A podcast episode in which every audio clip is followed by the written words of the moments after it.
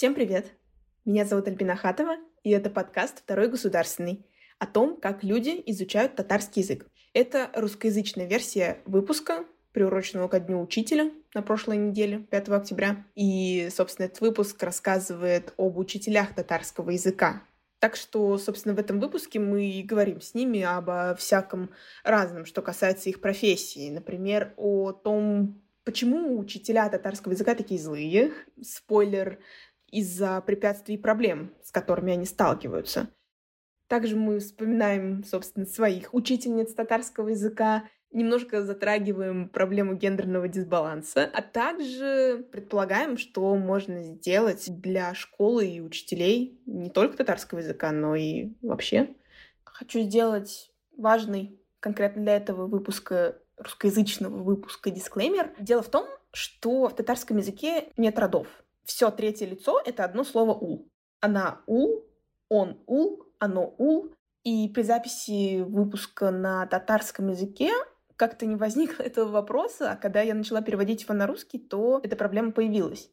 Я понимаю, что феминитивы, видимо, все-таки заняли так или иначе прочную нишу. Но вот, собственно, что я хочу отметить, все-таки, когда мы говорим об учителях, мы имеем в виду учительниц, потому что в России большинство преподавателей это все-таки женщины. И поэтому даже если мы говорим учителя, мы все равно имеем в виду женщин, несмотря на то, что само слово мужского рода. Кстати, пока мы записывали выпуск на татарском, я тоже автоматически представляла себе женщину, хотя, как я сказала, в татарском языке родов нету. То есть, по сути, могли иметь в виду и учителя мужчины. Поэтому в этом выпуске, говоря об учителях, ну, вообще обо всех, я буду все-таки употреблять слово учителя, преподаватели, педагоги, но если мне нужно будет подчеркнуть, что это учитель мужчина, то, естественно, я буду это делать. Ну, в общем, вот, решил на всякий случай упомянуть. А теперь давайте слушать подкаст.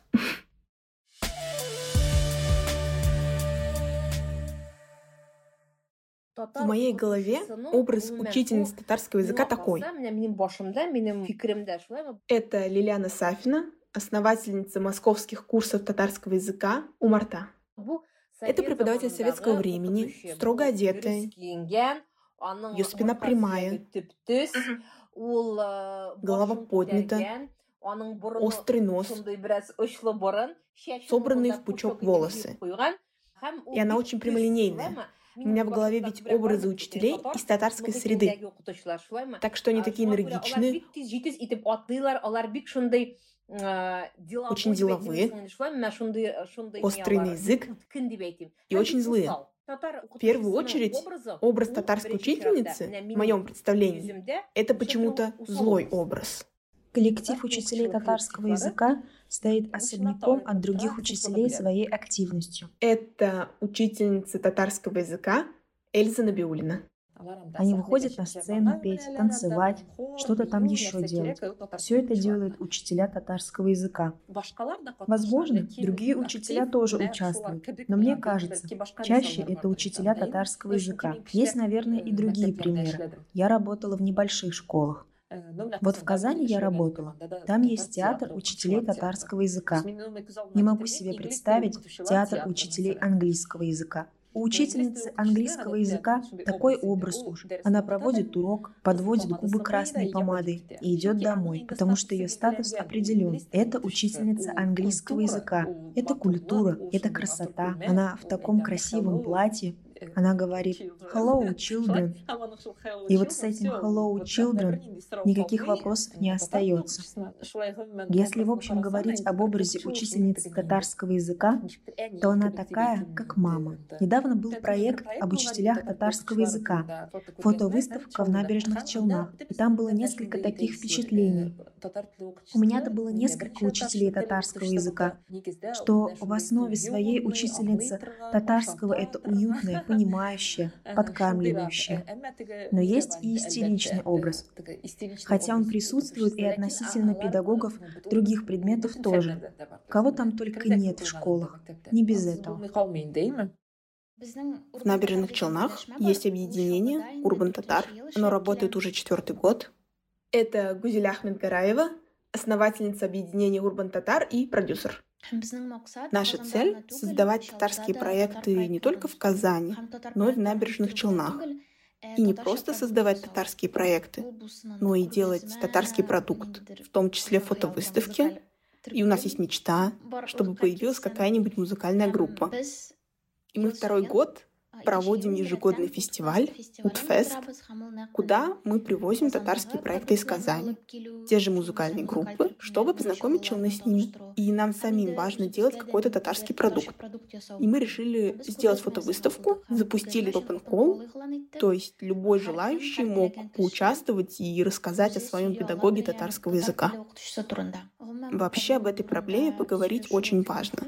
Мы назвали проект «Училка татарского», и нас за это захейтили, мы издеваемся над преподавателями. А ведь есть такое, и в мое время было, что учительница татарского — это такой фрик, какая-то женщина, которой не очень нравится ее работа, она тяготится ею, может быть, были какие-то истории с психологическими травмами. Также есть выходцы из деревень, у них тоже есть какие-то травмы, так как для них знать татарский язык — это не привилегия, ведь в татарской деревне и, так говоришь по-татарски.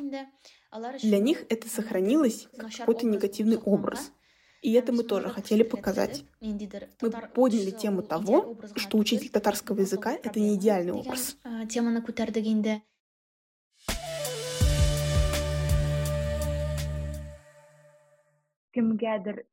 Для тех, кому сложно оплатить обучение своих детей татарскому языку, мы придумали интересную идею. Это Кульнара Айнеддинова, куратор групп «Скайтат Баллар» и «Скайтат Няни». В этом выпуске она будет рассказывать об учителях татарского языка на онлайн-платформах, но перед этим расскажет о меценатской программе «Скайтат». На этой неделе мы запустили такой проект, благодаря которому ребенок, обучающийся в группе Скайтат, может получить помощь от мецената. Этот проект делается для семей, для которых сумма оплаты образования представляется очень крупной. Стипендиаты выбираются на конкурсной основе. Для этого нужно заполнить Google форму, после чего с кандидатами свяжут администраторы. Меценатом может быть любой человек, и он может поддерживать ребенка на протяжении одного, двух, шести месяцев и даже целый год. Каждый, кто хочет сохранить татарский язык, может сделать такой вклад. Пишите нам в Телеграме и в запрещенной соцсети, которую сейчас нельзя называть.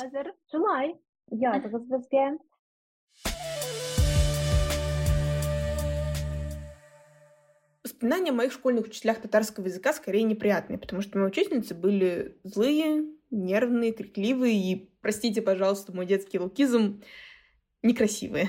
Даже если мы находили с ними общий язык, и уроки даже были интересными, то все мрачалось тем, что преподавательница орала на мальчиков или на всех сразу, или тем, что плохие оценки за, как тогда казалось, ненужный предмет портили дневник, а объемные домашние задания и по языку, и по литературе отнимали то ценное время, которое можно было потратить, если не на что-то приятное, то на подготовку к нужным экзаменам. Ну вот, а какие учительницы были у наших сегодняшних гостей? Моя учительница татарского языка была очень активной, любила всякие новинки, например, пьесу поставить, кино снять, все время нам предлагала. А нынешние учителя немножко отличаются. Они умеют пользоваться IT-технологиями, например, компьютерами. Но это актуально для всех учителей. Они обязаны этим пользоваться теперь. Для нас, детей суверенитета, это абсолютно естественно. Присутствие татарского языка. Для большинства из нас ассоциации с учителями татарского теплые. Моя учительница Любовь Николаевна, кряшинского происхождения, стала для меня ролевой моделью. Она такая красивая, современная. Когда я пришла в новую школу и увидела ее, то для меня она стала великим образом который я запомнила и захотела стать такой же.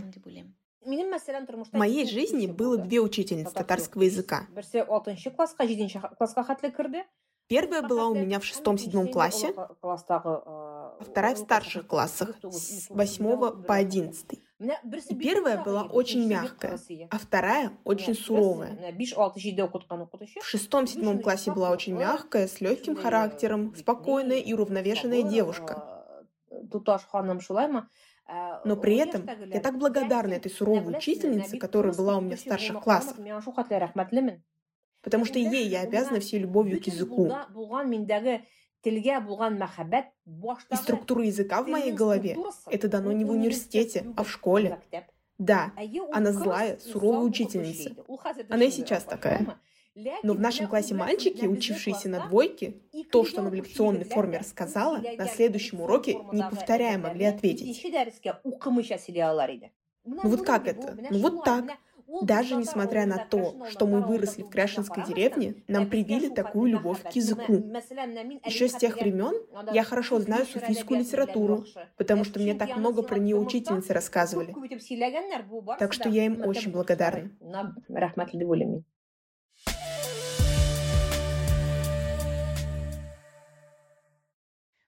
В большинстве своем учителя татарского языка — это женщины. Понятное дело, что в России подавляющее большинство учителей это женщины, а мужчины скорее исключение, чем правило, есть только это, конечно же, не физруки. В третьем классе, например, нас разделили на две группы для уроков английского языка, и у одной группы оказался учитель мужчина, кстати, татарин. Татарин, преподававший английский язык. И вот я только сейчас вспомнила, с каким возбуждением, перемешанным со страхом, волнением, предвкушением ребята из этой группы узнали о том, что его учат мужчины, и все шептались перед ее приходом, что типа «Дяденька будет, дяденька». Я даже в сторис публиковала вопрос, а был ли у кого-то учитель татарского языка мужчина. Да, несколько человек ответили, что были, но их истории мы не успели взять. Но так или иначе, это такой интересный феномен. Да, по какой-то причине учительниц татарского языка намного больше, чем учителей.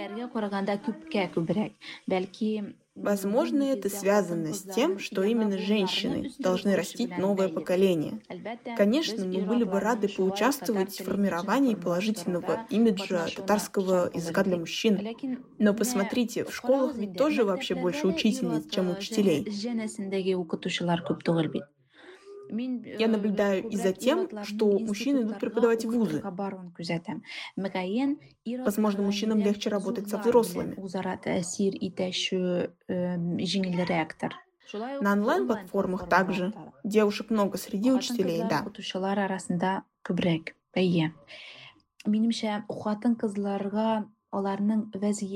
Думаю, что им проще учить онлайн. Вообще, в пединститутах и на филфаках особенно парней очень мало учатся. Например, в моей группе мы учились в татарско-английской группе. Было несколько парней, может быть, шесть. Не помню сейчас точно. Никто из них не пошел в школу преподавать. В другой группе один парень пошел в школу. Сейчас он директор.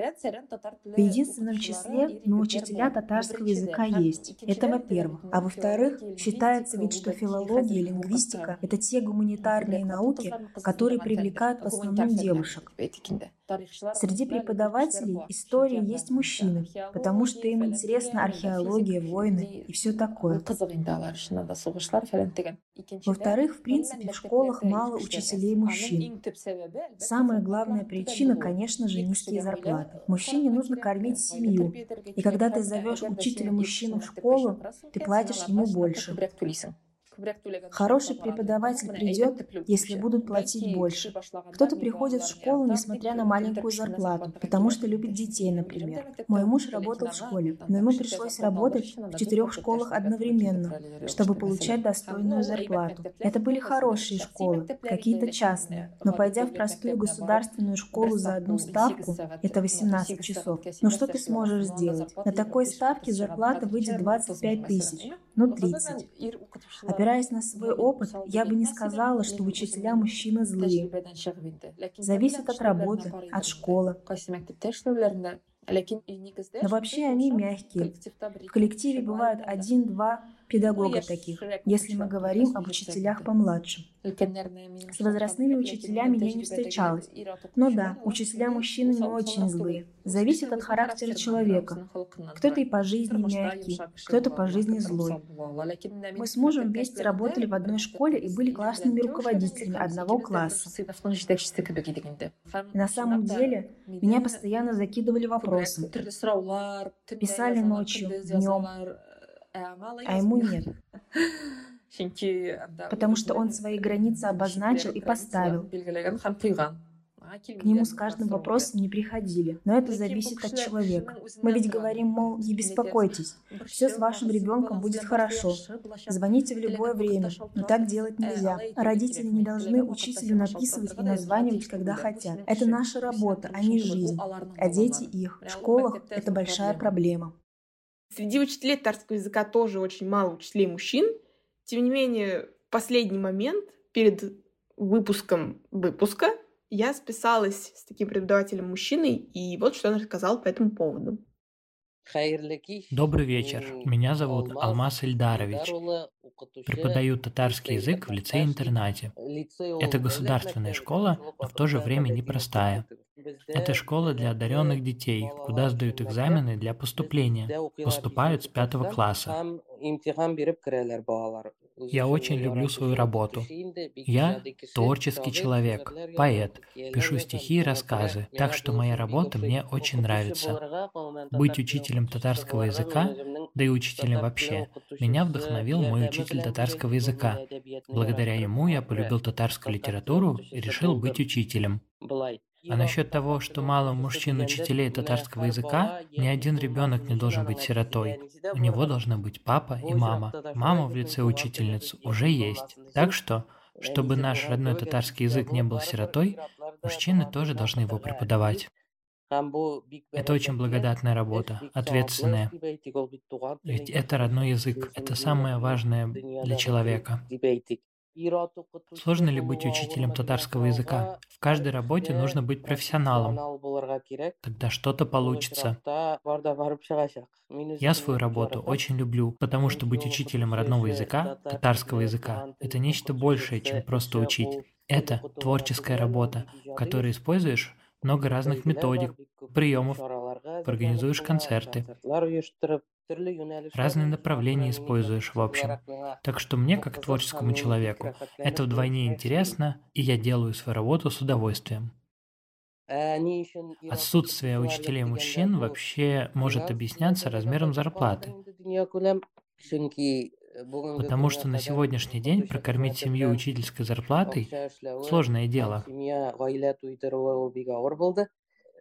Но повторюсь, если вы профессионал своего дела, получится заработать больше денег. Но будет больше нагрузок. В сравнении с другими профессиями, учительство, наоборот, должно быть уважаемой профессией как будто бы. Потому что в отличие от других профессий. Учитель воспитывает и растит. Пожалуй, учителям мужчинам легче, потому что он менее эмоционален и более конкретен, систематичен. Когда дети это видят, им самим же легче с учителем-мужчиной. Мне кажется, что наша система образования больше направлена на девочек, чем на мальчиков. Я сам преподаю в мужском лицее, у нас учатся только мальчики.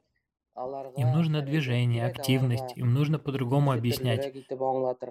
Больше практической работы, проводить эксперименты и делать открытия двигаться к прогрессу. Они не будут сидеть на месте и прилежно записывать и учить, как девочки, и довольствоваться только этим. Так что, могу сказать как учитель мужчина, работающий с мальчиками, в таком случае нужные уроки интереснее выстраивать, уметь привлечь внимание учеников, к урокам татарской литературы подходить творчески, даже при чтении произведений. Сейчас много возможностей есть. Фильмы, видео, все есть. Надо работать с этим. Учителя мужчину легче и мальчики, и девочки воспринимают. Так что и учить попроще. Я так думаю.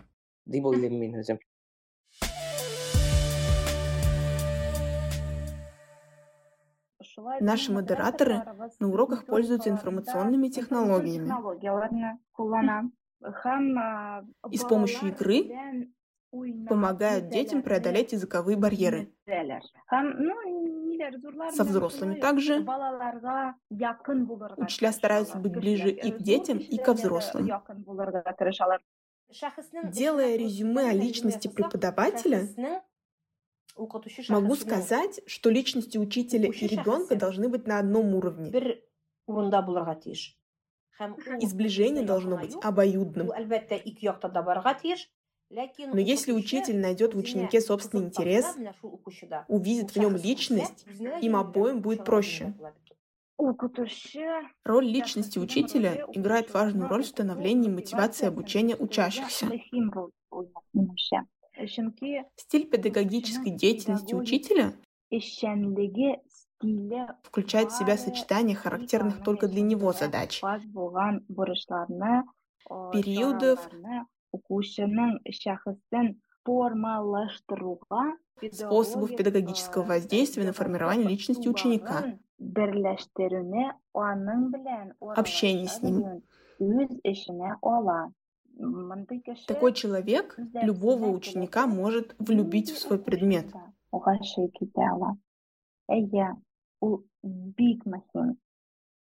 Во-первых, татароговорящему учителю учить сложнее. В чем проблема? Давайте начнем сначала. Среди преподавателей татарского языка есть проблемы в незнании иностранных языков. Это приводит к непониманию методики, так как сам преподаватель, получается, не учил никакой другой язык, как иностранный. Ты родился в деревне, у тебя не было времени и так далее и тому подобное. К тому же, какие у тебя есть возможности в деревне изучать иностранные языки? Это сейчас можно, сидя в деревне, выучить онлайн в интернете китайский язык. Раньше ведь такого не было. Это большой недостаток при изучении других методик. Во-вторых, это же твой родной язык. Тебя Боженька поцеловал, дал этот дар говорить на твоем родном языке.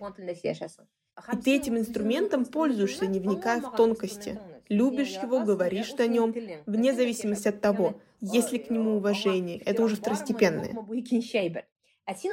А ты его должен преподавать другому человеку и при этом понимать, что какие-то вещи сложнее русскоговорящими людьми воспринимаются. И не каждый преподаватель может это заметить и понять.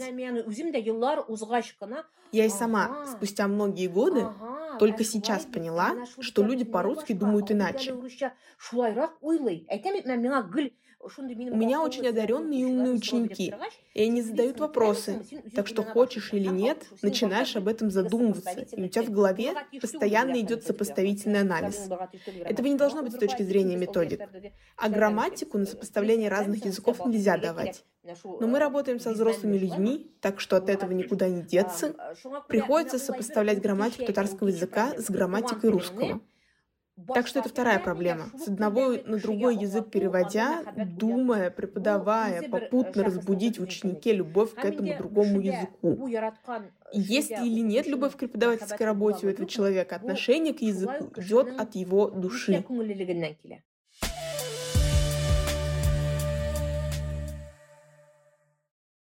Я считаю, что в истории Татарстана теперь есть две очень трагические даты. Это год взятия Казанского ханства Иваном Грозным, 1552 год, и 2017 год, когда в национальных республиках отменили обязательное изучение их родных языков. То есть оставляли русский, английский, но убрали татарский, башкирский, ну, ставьте нужное. Татарстан долго сопротивлялся этому новому закону, но в итоге мы там, где мы есть. Отмена татарского языка в школах оставила без работы тысячи учителей в том числе и будущие молодые кадры, которые на тот момент учились в университете. Я хотела поступать в архитектурный, А тут я в 10 классе выиграла республиканскую олимпиаду по татарской литературе и решила посвятить себя татарской культуре. У меня были высокие баллы, шла первой в списке, у меня были очень хорошие баллы по математике. Я сдала ЕРЭ, единый республиканский экзамен. По татарскому языку и литературе это был предмет по выбору, и на все набережные Челны в 2014 году нас было только трое, кто сделал этот выбор. Тогда этот экзамен был, сейчас не знаю, есть ли. Мне нужно было сдать эти предметы, потому что это нужно было для поступления на факультет татарской филологии. И вот как-то мы разговаривали с девочками в деревне Универсиады, анда кызлар инде көрші бөлмелерден кухня ортақ еді инде біздің и речь зашла о ЕГЭ по математике. У меня было 70 баллов вроде бы. Я не особо к ней готовилась, решила, как сдам, так и сдам. И мой средний балл был высокий. И девочки сказали. вообще нормальные баллы, зачем ты сюда поступила? А я говорю, это ведь моя мечта, моя цель. Я целенаправленно сюда поступила готовилась к этому поступлению. Так я поняла, что у Татфака низкая репутация среди молодежи. Поэтому мне было важно показывать Татфак в социальных сетях, рассказывать о нем, Наши преподаватели живут в другой реальности. Они ведь ученые люди и не знают про всякие имиджево-маркетинговые штуки. А у меня есть этот талант продажника. И мне хотелось показать, что это современно, что я участвую там в актуальных проектах, и что у меня есть эта привилегия — учиться на татфаке. Если в общем посмотреть, сейчас коллектив преподавателей младше. Вот такое отличие есть. Я не знаю, есть ли сейчас какие-то глобальные изменения в учителях после окончания советского времени. Традиция продолжается. Не могу сказать, хорошо это или плохо, потому что и в советских методиках тоже есть положительные моменты, например, равноправие. Не могу сказать, что было ограничение и разделение. Среди наших коллег есть и молодые люди, и возрастные, причем пожилые коллеги тоже довольно активные тогда как среди молодых учителей тоже достаточно пассивных личностей. Все зависит от человека. А сейчас ведь многие учителя татарского языка перестали его преподавать, получили дополнительное образование и начали учить другим предметам, русскому языку в том числе. Знаю учителей, которые стали преподавать биологию вместо татарского, математику. Моя сестра, например, пошла в начальную школу. Вина лежит не на этих учителях, а на системе. Они позволили этому случиться, и это продолжается. В 2017 году я училась на отделении татарской филологии. Исключение татарского языка из обязательной школьной программы очень сильно на нас повлияло. В 2014 году нас поступило 100 человек на направление татарского языка и татарской педагогики. После отмены татарского языка в школах 70% студентов ушли переучиваться на преподавателей русского языка и других предметов. Для меня это была личная трагедия. Мы собирали подписи, собрали больше ста подписей от студентов на имя президента Татарстана, написали открытое письмо, о том, что мы поступали не для того, чтобы остаться безработными, о том, что это нас волнует. Но сейчас я думаю, как мы решили сделать это. Потому что все равно ты учишься в рамках государственной системы. Многие девочки, учащиеся на татфаках, из деревень. В этом письме мы отмечали потерю места учебы, работы. Ну вот сделали такой смелый шаг. В общем, 2017 год был тяжелый. Там ведь и про методику кричали, что нет мотивации, зачем это татарский язык, нигде он не нужен, на работе не нужен, за это денег не платят. И в этой трагедии единственным человеком, оставшимся с ребенком, был учитель татарского языка. Плюсы есть и у прежних учителей, и у молодых. Прежние учителя работали с большой самоотдачей, как мне кажется. Но я не училась в советское время. Точно не смогу сказать, какими тогда были учителя. Наверное, можно сказать, что они были интеллигенцией, элитой. Между учителем и учеником огромная субординация, которая, как я думаю, отражалась на учебном процессе. А сейчас дистанция сократилась, Ученик, совершенно не боясь и не стесняясь, может написать учителю по телефону сообщение. Может быть, в этом и есть положительные стороны. Сейчас учителя отправляют свои методики на конкурсы, пользуются современными технологиями. Но есть один момент. Очень сложно удивить детей. Они уже очень много всего знают еще в детском саду. Поэтому с этой точки зрения учителям стало сложнее влюбить ребенка в свой предмет. Сейчас преподаватели эту субординацию соблюдают, но стараются быть ближе к детям. Молодому учителю намного легче работать, но надо обратить внимание. Как бы не хотелось быть ближе к детям, нельзя опускаться на их уровень. Главная ошибка молодого, только начавшего работать преподавателя, Желая стать другом детям, он опускается на их уровень. В любом случае, должна быть какая-то грань между учителем и учеником. Да, учитель ученикам друг, он с ними близок, знает и учитывает их интересы, пытается интересно преподавать, говорит с ними на интересные им темы. Но он не должен переходить ту грань, за которую он перестает быть учителем. Это очень сложный момент, он приходит с опытом. Так что в некоторых случаях дети воспринимают молодого начинающего преподавателя как чересчур доброго, в результате чего на уроках шум и гам, беспорядок, неуважение. Этого не должно быть. Между учителем и учеником не то что трамплин, очень-очень много слоев между ними. Но там еще и субординация хорошо работает. Может быть, это раньше так было, а сейчас это не совсем так, потому что нынче и дети другие, они знают, что могут сказать «нет», и их матери это тоже знают. Мы ведь как учим потом? Мы в каждом деле как в зеркале отражаем наших учителей. Меня так учили, я тоже таким же буду. Хочешь, не хочешь. Ко мне некрасиво относились, и я так же буду. В школе один учитель, в университете, в другом регионе совсем другой. Очень редко, когда человек выбирает позицию «нет, я таким не буду». Например, был у него суровый учитель, и он не хочет быть таким же, пытается исправить себя. Как бы то ни было, модель одна. Модель злой, суровый. И вот так вот только это и решается в этой жизни. И это не только в Татарстане, но и в других регионах. Я знаю это из моих тусовок.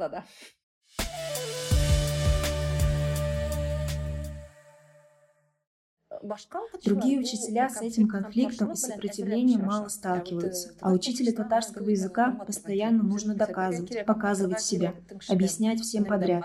Иногда нет такого умения, особенно когда тебе постоянно говорят «все плохо, плохо, плохо, твой предмет не нужен, он на втором, третьем, пятом месте». Татарский язык и литературу любят ставить в ряд ненужных предметов, а фактически это не так. На самом деле можно назвать ненужными все предметы, которые не сдаются в ЕГЭ.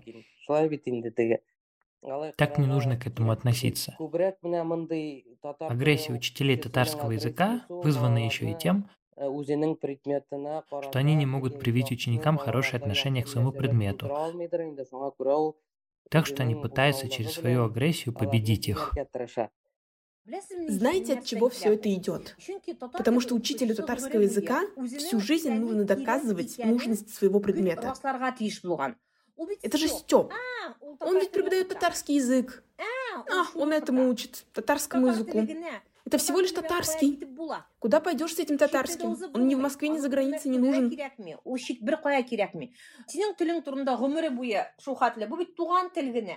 Про учителя русского языка же так не скажут.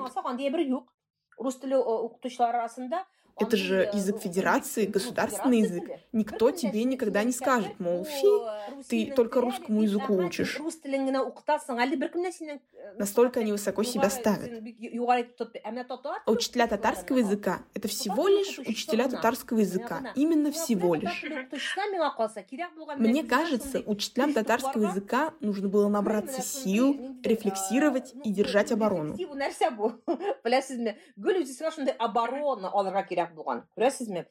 Потому что над его делом жизни постоянно кто-то смеется. Над его предметом, над его искусством, над его, возможно, любимым языком, работой.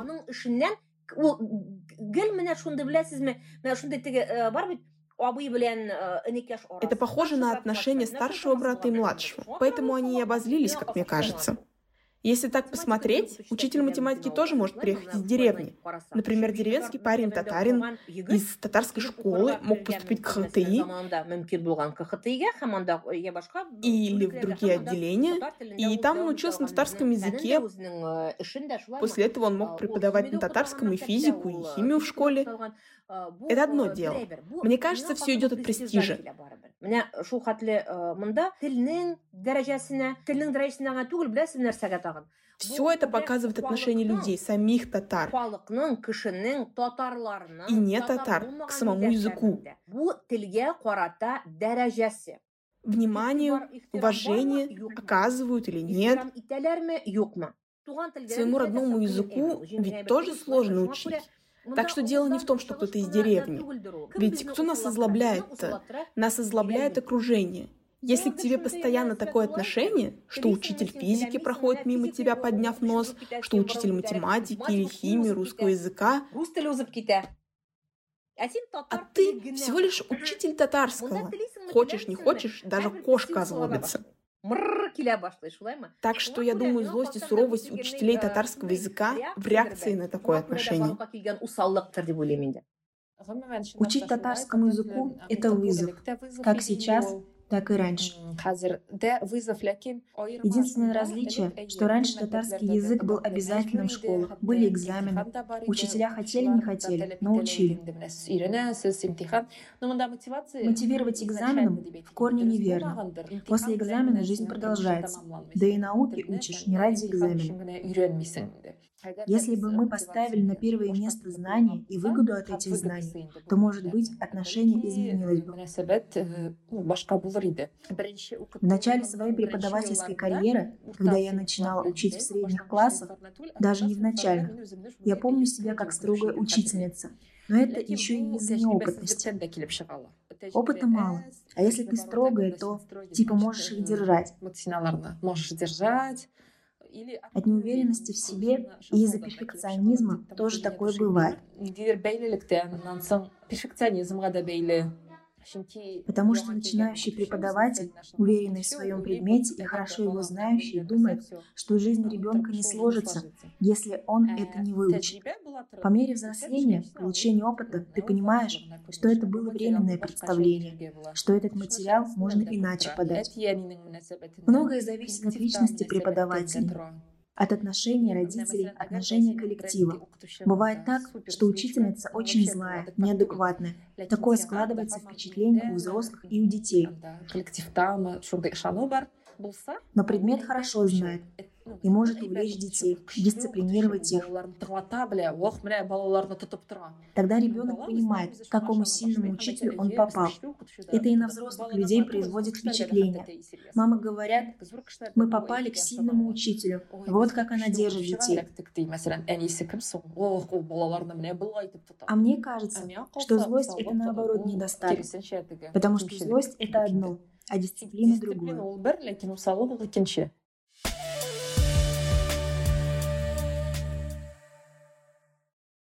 Можно пойти в школу и учить по заранее подготовленным программам и учебникам. И отучить с первого по шестой урок, и слава богу на этом. Так можно. А еще можно с любовью учить. Каждого любишь, каждому объясняешь. Я на занятиях и групповых, и индивидуальных стараюсь дать человеку какую-то дополнительную информацию. Например, читаем текст про кошку, вот с девочкой недавно, например, и я ей минут 10 рассказывала про то, какие бывают кошки, котята, как кошки отличаются, как их можно называть, как подзывать, пес-пес по-татарски, кис-кис по-русски.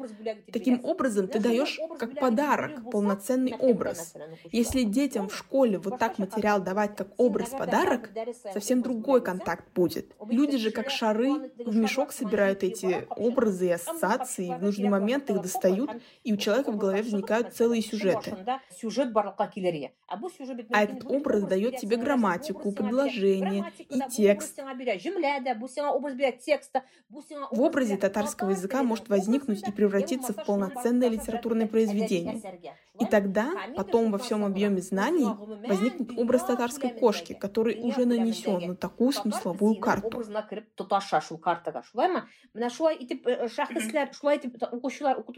Если будет такое преподавание, то сто процентов будет и результат. И любая злость уйдет. У тебя не будет времени на злость, потому что ты про кошек рассказываешь. К примеру, когда изучаешь междометие, то можно поговорить и о животных. Для того, чтобы убедить детей в нужности своего предмета, в богатстве татарского языка, красоте татарской культуры, нужно самому быть в этом уверенным.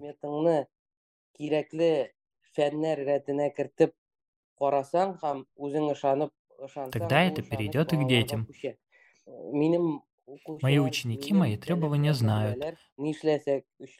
Бывает, что получают и двойки, и тройки. Но моя цель не оценку поставить. Я стараюсь вообще ставить только 4 и 5. Моя цель – пробудить любовь к языку. Ученики приходят ко мне, вот, понравилось стихотворение, я его выучил. Просто так, ни за что.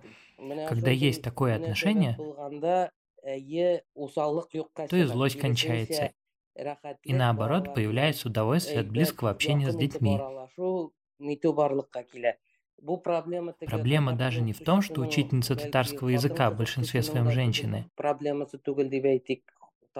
и не в самих учителях татарского языка. Проблема еще глубже. В самой школе, в ее директоре, в его отношении к татарскому языку, считает ли он его нужным или нет, Снимает ли детей с уроков татарского языка или куда-то отправляет самого учителя татарского. Вот отсюда и возникает большая проблема озлобленности. Если учительница татарского, если учитель татарского будет чувствовать, что его предмет нужен, что она сама нужна, будет чувствовать поддержку от администрации, то она никогда не будет злой. Биология нужна только для того, чтобы поступить в медицинский, но все равно считается как нужный предмет. Учителю не приходится заставлять всех учиться. Детям нужно, и они сами приходят. Мол, давайте учиться. А татарскому языку любят учиться, потому что это родной язык. Мне все время приходит предложение работать в школе. Хоть я сейчас в Татарстане и не живу, но мне постоянно пишут и говорят, давай возвращайся, нам в школу нужен учитель. Я считаю, что сейчас для молодых и активных, интересующихся, любознательных, любящих свой предмет и желающих работать учителем татарского языка вакансии есть. Если вас зовут, значит вы нужны, востребованы. Директор тоже хорошо к вам относится и будет помогать. Моя ассоциация со школой — это тюрьма. Я не любила школу, но я люблю учиться. Мне нравились все предметы, но в школе я себя счастливой не чувствовала. Эта проблема касается не только татарского языка. Это большая проблема на государственном уровне, что происходит сегодня в школах. И уроки татарского языка — это только одно отражение этой проблемы. У кого из нас адекватно проходили уроки физкультуры? Кому из нас, не знаю, физику нормально преподавали? һәм бу шундый рулетка сиңа повезет не повезет а это ведь от большого количества факторов зависит. Есть ли деньги у учителя? Он ведь человек. Есть ли у него статус? Может, у него личные проблемы? Может, у него ребенок болеет? Очень много усиливающих факторов. Но на сегодняшний день школа — это проблема, учитель — это проблема. Проблема. Потому что мои знакомые молодые учителя, они в большинстве своем завалены бумажной работой. Это даже не с методикой связано. Это все очень сложная бюрократическая работа. Тут, я считаю, общегосударственная проблема. И самое сложное то, что в 2017 году все говорили «должен». Учитель должен, мать должна, ребенка татарскому языку школу учить должна. Все люди всем должны. И это все как будто бы перекладывание ответственности. У матери в патриархальном обществе есть куча работы. Ей надо и учить татарскому, и это сделать, а она одна семью тянет. Финансовой независимости даже нет. И это все такие большие-большие проблемы. И мне кажется, что в таких обстоятельствах говорить, кто кому что должен, не очень правильно. Но мне кажется, что в общем у молодежи сейчас мало мотивации учиться. Мотивацию Зачем физика, когда в интернете полным-полно всего? Зачем косинус нужен, если мы о алгебре говорим? И вот это все кризис образовательной системы. Для меня это все таким остается. Молодой преподаватель, который хочет хорошего отношения, должен в свою очередь и себя показать с хорошей стороны, не снимать с себя этой ответственности. Вот я выучился, вот мой диплом, вот я молодой. Почему вы мне ничего не даете? Ну все, все плохие, люди плохие, отношения плохое. Так не бывает. Так во всех науках, будь то математика, физика, история, химия. Вот я не знаю. Каким-то детям доставляют удовольствие учить химию. Ко всем предметам есть такой сопротивления. То есть учитель — это воспитатель, психолог, друг. Так что есть места с хорошим отношением к преподавателю. Так что если вы будете работать, то в нужных местах вас заметят.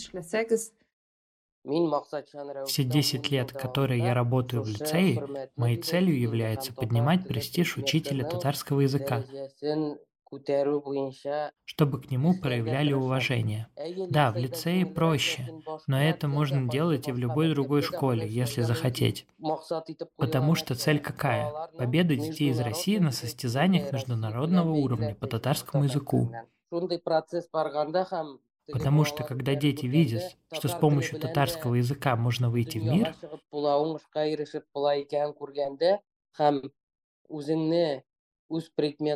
и когда твои коллеги видят, что этого можно достичь, относясь с любовью к своей работе, то в этом появляется смысл. Конечно, если ты ведешь уроки тяп-ляп,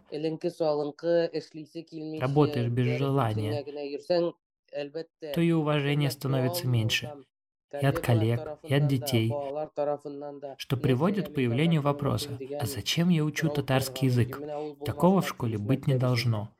Если учитель на уроке татарского даст переписывать текст, чтобы тихонечко посидеть, ребенку это не будет интересно. Так что быть учителем татарского языка вдвойне сложно.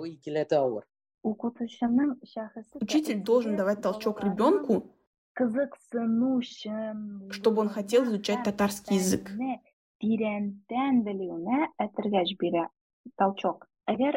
Если учитель свой предмет влюблен, получает истинное удовольствие от преподавания, принимает во внимание то, что каждый его ученик — отдельная личность, заинтересовывает знаниями детей, то он достигает очень больших успехов. Учитель через передачу знаний, опыта и воспитания помогает формировать коммуникацию, социальные и нравственные ценности. И неважно, какой предмет он преподает. Математику или татарский язык. Учитель должен в первую очередь быть влюблен в свой предмет, хоть в школе, хоть на онлайн-платформе. И он должен любить людей, не детей, людей. Если мы возьмемся решать эту проблему вместе, если государство найдет подходящую мотивационную систему, если наведет порядок в государственных школах, ведь школ очень много, в Татарстане или в России, поднимет статус учителей, не знаю, наш уровень жизни поднимет, мы сами, если проявим инициативу, решим какие-то проблемы женщин, детей, методики, психологические проблемы. Если начнем с себя, то есть нельзя только ругаться и не начинать себя. Тут нужно шаг за шагом изменять себя и решать проблемы на государственном уровне. Здесь объединенная работа нужна. Только вместе будет какой-то сдвиг.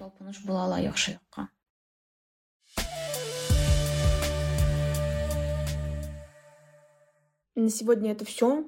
Спасибо большое, что вы послушали этот выпуск. И если вы слушали его на Apple Podcasts, то оставьте, пожалуйста, на него отзыв и поставьте ему оценку. Это помогает другим людям найти этот подкаст, и мне будет приятно, если вы его как-то оцените и напишите какие-то приятные слова и отзывы. Также напоминаю, что у подкаста появился Boosty, и если вам нравится то, что я делаю, и, или вы хотите помочь своевременному выходу переводов выпусков, то вы можете отправить небольшое или большое пожертвование по ссылке в описании. Также в описании есть ссылки на соцсети подкаста, на которые можно и нужно подписываться.